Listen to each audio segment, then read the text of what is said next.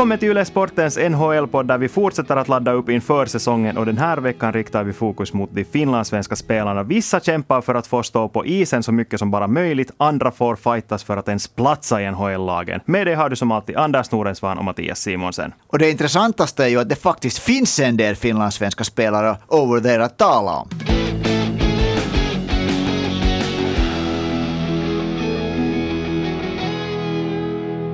Förra veckan så snackade vi en hel del om Robin Salo och vi kan ju inleda det här avsnittet med att kort uppdatera om hur det står till med Robin Salo i New York Islanders. Han klarade den första kutten, han finns fortfarande kvar i Islanders träningstrupp och får åtminstone tills vidare fortsätta kämpa med plats i NHL. Det är goda nyheter. Robin Salo har gjort jättebra intryck på Barry Trotz, tränaren.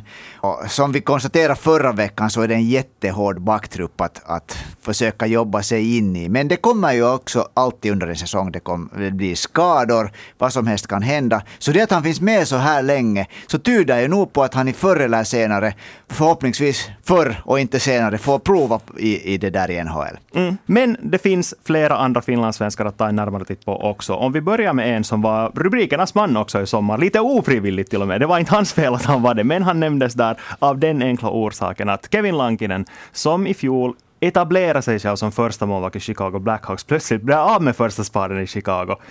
Mark-André Fleury, ny första målvakt, antar väl alla i Chicago efter att Vegas i princip gav honom åt Blackhawks. Ja, alltså inte, inte kan ju Mark-André Fleury komma till Chicago. Man tänker att eh, med någon annan premiss än att han kommer att starta som första målvakt. Han är regerande Visina Trophy-vinnare i, i NHL och den prestige som han har. Han är alltid var han, eh, han var i Vegas, han var en för, förgrundsfigur för hela, hela laget. Chicago behöver också på sitt sätt en, en ny start. De har såklart Jonathan Taves, de har Patrick Kane. Men, men det är ju helt klart att Mark-André Fleury kommer att vara en av de här spelarna som man marknadsför laget med. Och det kan man inte riktigt göra om han inte spelar. Nej, exakt. Och hittills verkar ju nog alla signaler tala för att det är Fleury som är etta och Lankinen ganska garanterat två. Att han ändå har visat mm. att han hör hemma i NHL. Men det var den förra säsongen kändes som att det snackades lite sådär att ja, Lankinen är en NHL-målvakt, men är han en första målvakt? Och jag tror att vi båda är överens om att ja, han är det. Men i Nordamerika verkar det vara så att snacket går att han, han är en backup-målvakt och då nu till Mark-André Fleury. Ja, alltså det är lite komiskt nog det här att vad måste en europeisk målvakt göra för att, för att bli ansedd som att, ja, att här är en, en kommande första målvakt. Jag menar att Lankinen har egentligen allt vad han har gjort, så har han visat hur bra han är. Han var under faktiskt ganska många veckor veckor förra vintern var han ligans bästa målvakt.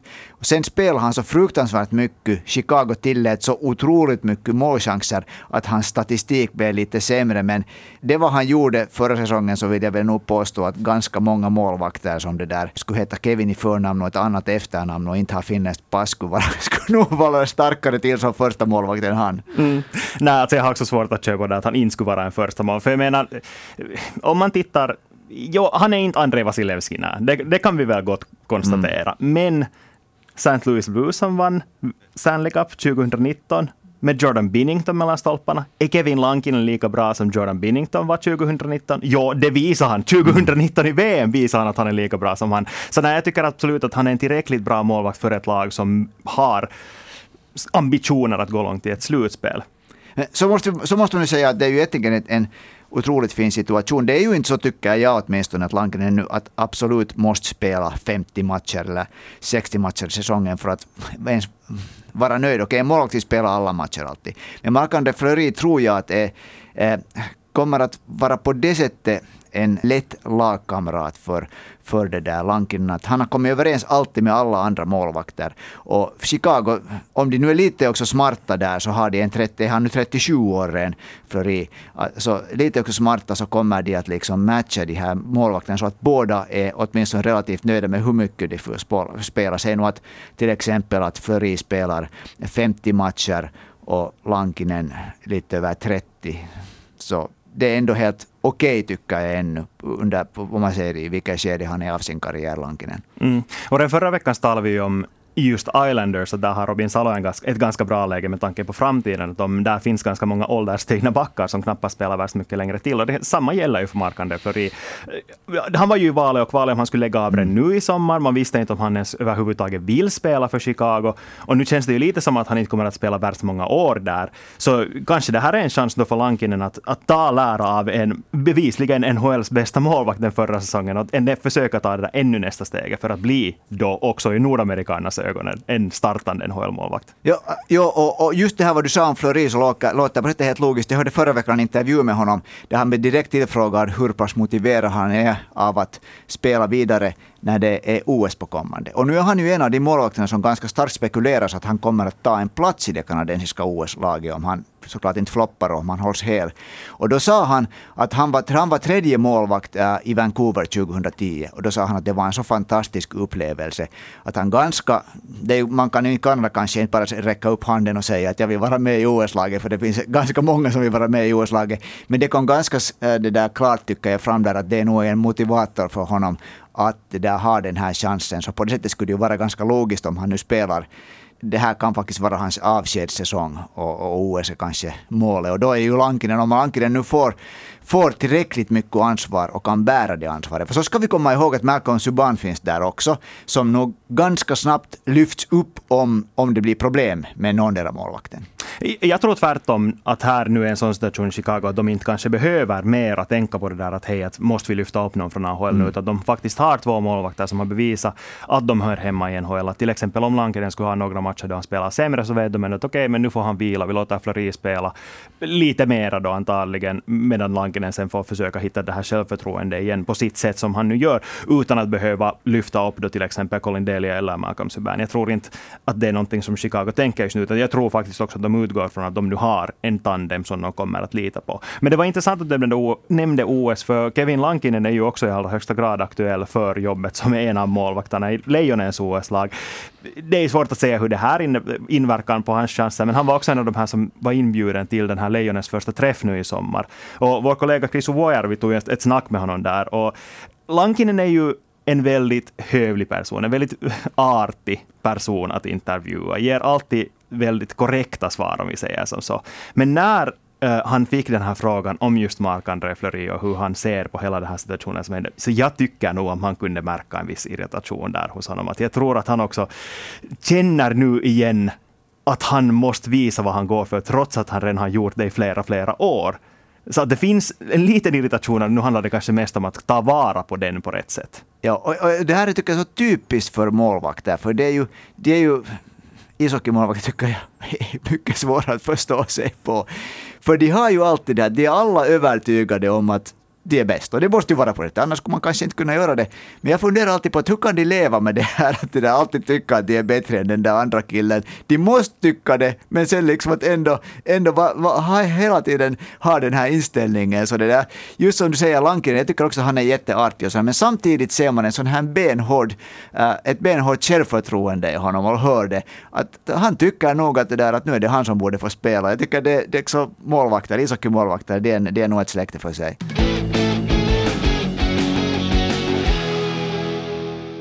En annan finlandssvensk som väntas ta en plats i NHL-truppen är förstås Anton Lundell. Draftades som tolva i fjol, hade en grymt imponerande säsong i såväl Helsingfors IFK, U20 som herrlandslaget och ska nu enligt de flesta insatta källorna vara aktuell för rollen som tredje center i Florida Panthers. Anders, vad tycker du om den tanken? Det är ju helt otroligt om han direkt tar den här platsen. Men, men, men de har, såklart nu har det kommit de här meddelandena därifrån. De tänker inte skicka honom bort. Så frågan är nu sen, att kommer det att gå så där att han det där spelar typ då sju, åtta matcher och sen flyttas han till, till det AHL. Och det, det kan vara den här planen liksom bakom där. Men kommer han in och visar att han är liksom färdig för att spela i NHL. Så vi har, vi har sett det gång på gång att unga spelare ofta kommer in direkt och tar sin plats. Så det där, det är nog väldigt intressant. Och just den här tredje centersplatsen, vi har då såklart första centern är ju Alexander Barkov, så är det antagligen så att Sam Bennett kommer att vara andra, andra center. Och då finns det en hel massa spelare som kan vara center, äh, spela som center. Men jag har hört en sån här spekulation som jag tyckte skulle vara ganska intressant. Att Anton Lundell skulle vara i tredje kedjan och han skulle ha spelat med, med Patrik Hörnqvist på ena kanten och Jumbo Joe Thornton på andra kanten, för Thornton anses vara för långsam att spela center mer. Det var i Toronto spelade han ju inte center förra säsongen alls. Det skulle vara en ganska, ganska liksom en högskola i ishockey för Anton Lundell om man kan säga på det viset. Mm. Det som är lite intressant med just Thornton och Lundell är att båda har varit skadade den senaste mm. tiden. Det finns inte hemskt mycket att säga om Lundells träningsläger hittills eftersom han inte har synts under träningsläger. Han har haft någon form av skada. Ingen har riktigt berättat vad det är för skada. Undisclosed injury som det heter på engelska. Det var man vet att han gjorde väldigt väl ifrån sig på de här nybörjare, de här nykomlings rookie campsen som de hade före det här själva träningslägret körde igång. Och därför vet man redan nu nu att han kommer att vara aktuell för den här rollen som tredje center. Det vad jag hittade är att han högst antagligen kämpas om den här platsen med Noel Akiari och då känns det ju logiskt som att han i så fall är den, han är den mer talangfulla av de två. Att nu är frågan kanske det att är han redo för NHL? No, no, jag tycker att Noel, Noel Akiari är det där, ja, han är ju på ett sätt en typisk fjärde center tycker jag, ett, ett, ett lag. Jag håller med. Jag håller Lundell är ju ingen vits att sätta som fjärde center. Och så ska vi komma ihåg att där finns Juho Lammikko som också är en typisk fjärde center. Att nu är det ju så att Lundell måste ha en roll som är offensiv på ett sätt. Liksom, I alla fall inte en sån här fjärde kedja. Att, nu, att, det där, att om han slirar ner till den så då är det ju inte, tycker jag åtminstone, någon större mening att ha, hålla honom uppe i, i det där eh, NHL. Och så finns det såklart möjligheten att man inte har honom som center, det är ju också en möjlighet. Mm. Tänk om han får spela med Alexander Barkov till exempel några matcher. Han bor ju som rumskamrat med Alexander Barkov just nu. De hade, han hade mött pressen här så sent som i natt faktiskt, efter att han hade gjort sina första träningar efter den här konstiga skadan. Då, och, de hade frågat, på tal om att gå en högskola i ishockey, ska man ju tänka sig att bo med Alexander Barkov i just det. Så hade de här reportrarna frågat, hur är det att bo med Alexander Barkov? Så var Lundell svarade att han är ganska tyst. Så det kan vara att han inte får så mycket ishockeykunskap därifrån. Men ändå, säkert roligt att bo tillsammans. Men vad ska vi tro om Lundells säsong? Du sa här 7-8 matcher, men på något sätt känns det ju nog som att han har kapacitet att spela mycket, mycket mer än så. No, alltså jag tror att det är som, som så att man kommer att testa honom i början. I början är det, inte, är det ju inte sånt tryck på att, på att uh, vinna varje match, speciellt nu när det är 82 matcher igen på kommande. Florida har ett jättestarkt lag. Det ser ut som det ska mycket till för att Florida inte går till slutspel. Så jag, jag, på något sätt skulle föreställa mig att tanken är den att han får chanser att visa att är han redo för att spela en NHL. Och det tror jag, jag tror att ingen har liksom skrivit det manuskriptet ännu färdigt, utan hemskt mycket uppe till Anton, upp till Anton Lundell. Och hittills i sin karriär så har han ju nog på ett fantastiskt sätt visat att vart man än slänger in honom så är han alltid färdig att, att leva upp till de där förväntningarna. Att han är nog en, en, en kille som det där är tar det här med att spela ishockey och leva, leva upp till förväntningar på största allvar. Men tror du att han kommer att göra det?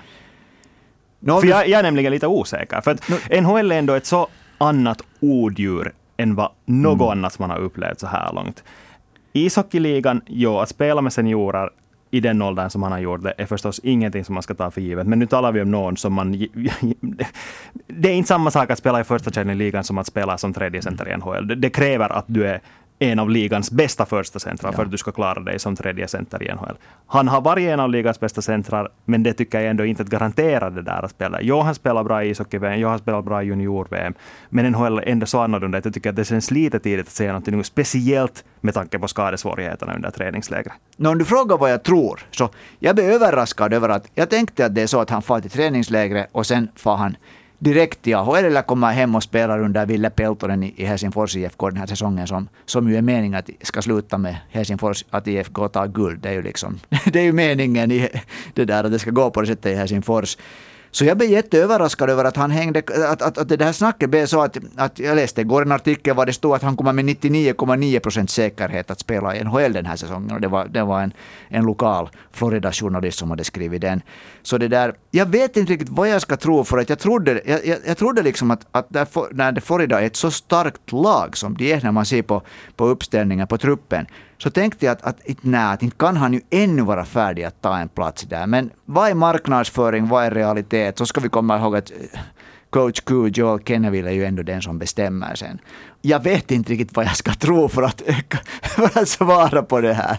Ett fegt svar får man slå fast. Nej, men jag alltså, hoppas att han får, får chansen där. Absolut. Nej, men äh, en intressant sak är ju förstås också hur det går med Sam Bennett som andra center. För orsaken varför han nu är spikad som andra center får vi väl säga att det är att han spelar grymt bra i slutspelet. För där var han ju en av Floridas bästa spelare. Men är frågan, kan han vara lika bra på en regelbunden basis i grundserien också. Det var han inte i Calgary. Jo, men nu var det ju, han, han flyttade ju till Florida under säsongen. Och han har spelat, tycker jag, eh, han, var det vid trade deadline han kom till Florida. Så att han har spelat över tio matcher under grundserien och då gjorde han mer än en poäng per match. Så det var ju den där, det var den där grejen förra, förra våren att Samuel Bennett som alltid har varit eh, liksom en slutspelsspelare men som har sovit under säsongen. Att han nu hade hittat en ny växel och han passar in i Florida. Så förväntningarna på honom är ju jättestora. Han är inte heller ännu speciellt ålderstigen, så om, om han det där tar sin egen karriär på, på allvar och har märkt att han har möjlighet att också vara en, en, en över en poängspelare per match, så borde han väl nog vara taggad till tusen att inte sitta och vänta på, eller vänta på att, att slutspelet ska börja, utan vara bra från början.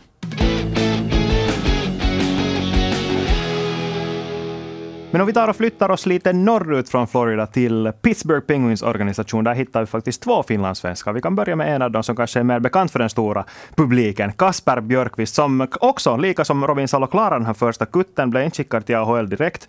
Och det var någonting som tydligen överraskade ganska många i Pittsburgh. Kasper Björkqvist var förra året inför säsongen så hörde han till de här, deras topp fem prospects enligt, enligt, enligt lokala, lokala journalister nu. Den här säsongen finns han inte på topp 10, så jag kan tänka mig att det har, enligt de, de här journalisterna då på Hockey Writers till exempel, så jag kan tänka mig att de har varit lite överraskade. Det verkar ju å andra sidan, tycker jag, härifrån sett så är det ju helt logiskt om han nu får sin chans, för nu börjar han att vara, han fyller väl 24 så småningom. Han har ju redan för ett par år sedan slaj alla fysiska rekord ungefär som man kan, kan göra i Pittsburgh. Och han är ju en spelare som, den rollen som han ska ha så i NHL, om han blir en NHL-spelare, så är väl det är nästan närmare fjärde kedjan än tredje kedjan skulle jag säga. Så i något skede måste man, ju, måste man ju testa honom. Och nu är ju Pittsburgh inne i ett, ett, där, ett läge där de kommer att behöva alla sina spelare så att säga. Mm. Eh, för det första det där att han inte är med, med på topp 10-rankingen, så det säger väl mest om hur bra koll de här nordamerikanska mm. skribenterna har på KK. Eh, Vilket kanske inte är så jätteöverraskande ja. att de inte har blivkoll på ja. hur KK spelar i ligan. Men oavsett, så det som jag tycker är lite intressant är just det där att jag också själv har haft den här uppfattningen om att Björkqvist är en sån här, som du skulle kalla en sandpappersspelare. Mm. En som kommer att så här positivt sagt, optimistiskt sagt, kommer att spelas i den fjärde eller tredje kedjan sen när han spelar i NHL. När jag läste in mig före det här avsnittet så hittade jag en intervju med eh, Pittsburgh-tränaren Mike Sullivan där de det i princip kom fram att Penguins-tränarna jämför honom med Patrik Hörnqvist okay. som spelar. Typ. Att det är den sortens talang som de ser i honom som spelare. För till exempel när uh, Björkqvist var skadad, då, inte förra säsongen men säsongen före det, han hade en allvarlig knäskada under rehaben, så gav de honom träningsvideo på sådana träningar som Hörnqvist gjorde, uh, med skottet till exempel. När han inte kunde träna med nederkroppen så tränade han bara på armarna och övre kroppen och, och klubbhantering då till exempel, på ett sätt som Patrik Hörnqvist också har tränat. Det var ganska intressant tycker jag, för Hörnqvist är ju ingalunda en sån som man skulle placera i en fjärde kedja. Nej, faktiskt inte. Faktiskt inte. Han är det där, han är kanske, ja, nej. Han har emellan spelat tredje kedja, men det där...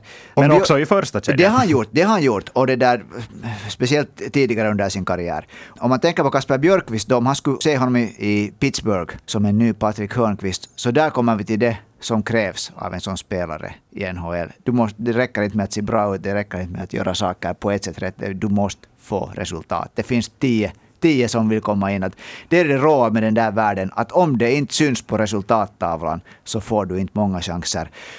Och är han färdig för det? Han har ju aldrig varit en spelare som har gjort speciellt mycket poäng. Förra säsongen i KK var han bra också när det gäller att göra poäng. Bästa nykomlingen i ligan. Ja, just det till hans styrkor ska vi definitivt också räkna in det att i NHL så är det ju inte bara, det, det, när, det, när det handlar om så mycket, så han är ju en, en kille som är smart.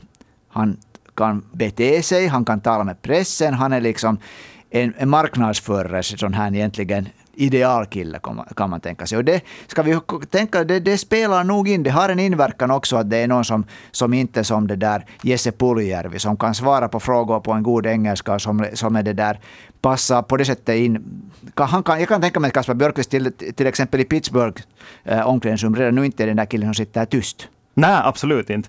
Och eh, jag tror också att Björkqvist kanske också alltid har varit den där killen som har behövt kämpa sig fram, just för att han inte har haft de här offensiva talangerna, som vi jämför då de andra spelarna i det lag som tog junior-VM-guld 2016. Så inte är ju Björkqvist en sån där som man lägger i samma kategori som Sebastian Aho, mm. eller Patrik Laine eller Mikko Rantanen inte. Utan han har alltid varit en sån där som i princip har fått kämpa på andra sätt visa att han är en lagspelare på andra sätt. Och jag tror det är därför som vi också har den där bilden av honom som en spelare som inte ska platsa någon annanstans än i en fjärde kedja. Men det skulle vara otroligt kul om han överraskar och blir en sån här Hörnqvist, vilket ju inte alls är omöjligt. Ja, han är ju mera en sån här energispelare ännu än, än Hörnqvist på det sättet att han är det där, han, han liksom lever ju, han, han älskar ju att smälla på andra spelare och han får ju själv liksom energi av det när han kommer in, in i matchen.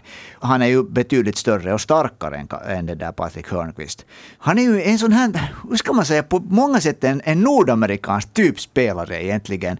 Och det tycker man ju inte illa om i Nordamerika. Så det där, han är en spelare som, som det där personligen så har jag följt med honom noga sen det där junior-VM. Och jag har liksom tänkt tyckt helt otroligt mycket om den spelartypen som han, han är. Och, det där, och, och funderar just på att var platsar han in.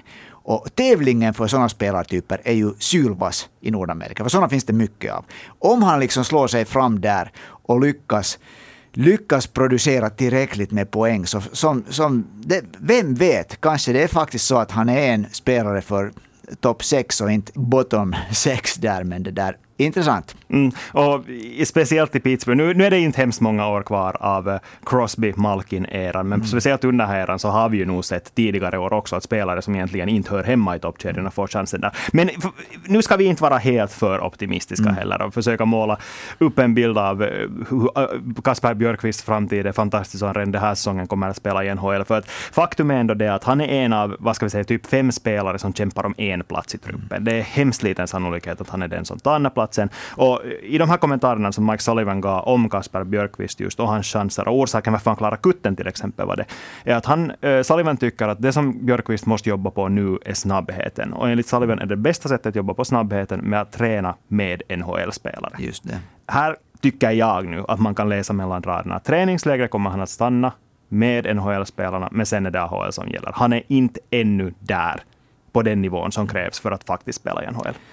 Nej, samtidigt så är han inne nu i den åldern att han borde börja och vara färdig för att spela i NHL. Ja, men några år till så, så börjar man... Så börjar, nu, nu för tiden blir ju spelarna når ju sin, så, når sin liksom bästa nivå yngre än vad de gjorde tidigare, ganska ofta.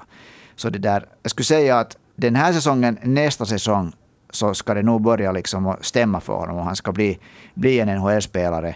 Och Pittsburgh är ju på det sättet en, en bra organisation att när det, förutom då de här topp, riktigt toppspelarna, så finns där det är lite grå massa där nog. Nu tog de visserligen, de fick ju en, en kille som man lite skulle kanske jämföra med, med, med, med Kasper Björkqvist, Brooke McKinn, som kom från, från Carolina Hurricanes, som är en sån här han skrinner, han är bättre på att skrinna, men han är ju också en sån här liksom spelare som tycker om att smälla på, som liksom jobbar, jobbar, jobbar. Så det där... Äh, äh, det är nog... Det är som sagt, det är hård tävling. Och jag är också lite skeptisk till att han ska ta en, en plats den här säsongen. Men man, man vet aldrig.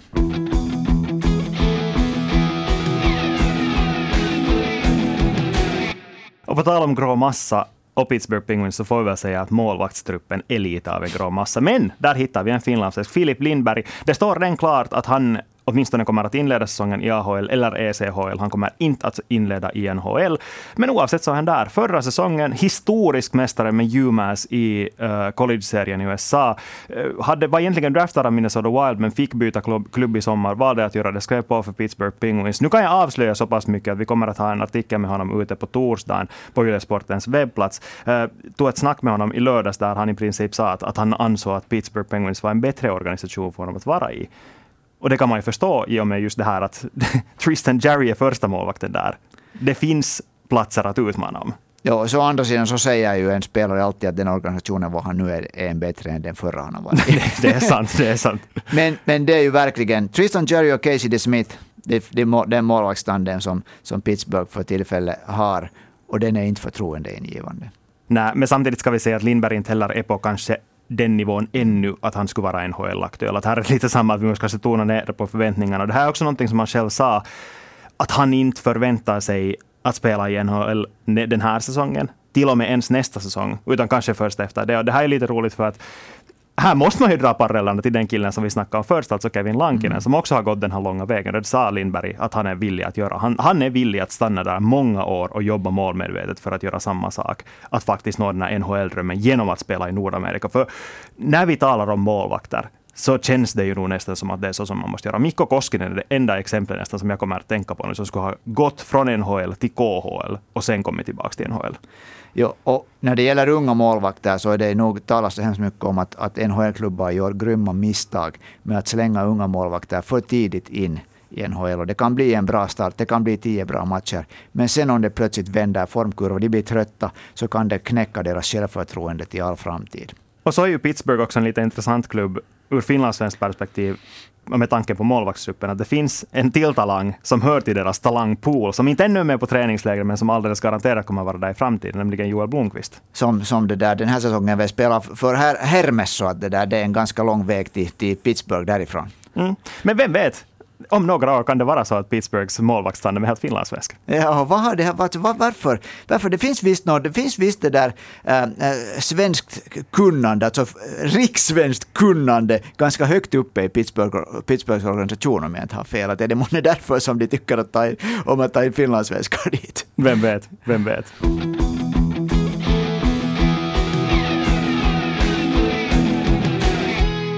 Om vi drar gränsen för finlandssvenska spelare, vi spelare som har gått i svenskspråkiga skolor, så måste vi också snacka om Jani Hakanpää.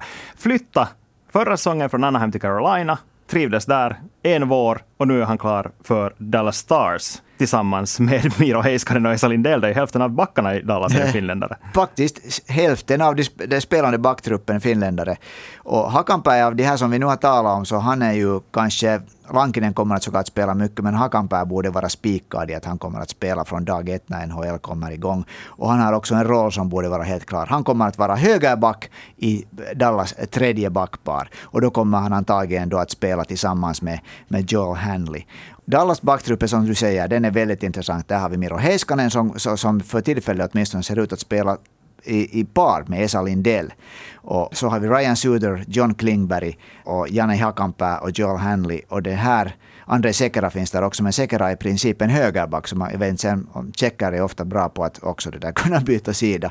Men Dallas backtrupp ska bli mycket intressant att se och det är också mycket intressant ur Finlands synvinkel. För plötsligt har vi hälften av den spelande truppen i OS som kommer från ett och samma klubblag. Det är inte alls omöjligt. Nej, men alltså, jag tycker att Dallas gjorde en grymt bra sommar med tanke på just hur de fixar backtruppen. Blev av med Jamie Oleksiak, ersatte honom med Ryan Suter som man kan tycka är en uppgradering, plockar in Janne Hakanpää som är, får vi väl säga, efter så bra som han var i Carolina under slutspelet, så vill jag nästan lyfta upp honom som en av de bästa NHL-backarna i ett tredje backpar alltså, som hör till den rollen. Alltså han är ju helt otroligt bra på det vad han gör. Om man ser på hans statistik från förra säsongen, som den statistiken fortsatte att vara jättebra i, i slutspelet. Alltså han är en kille som gör väldigt få misstag. Han, han, är liksom, han vet vem han är som ishockeyspelare och vad han inte. Och han det där är, skulle jag säga, verkligen viktig. Han spelar sina kanske 12-13 minuter och han gör det liksom så att tränaren, tränaren kan räkna med att han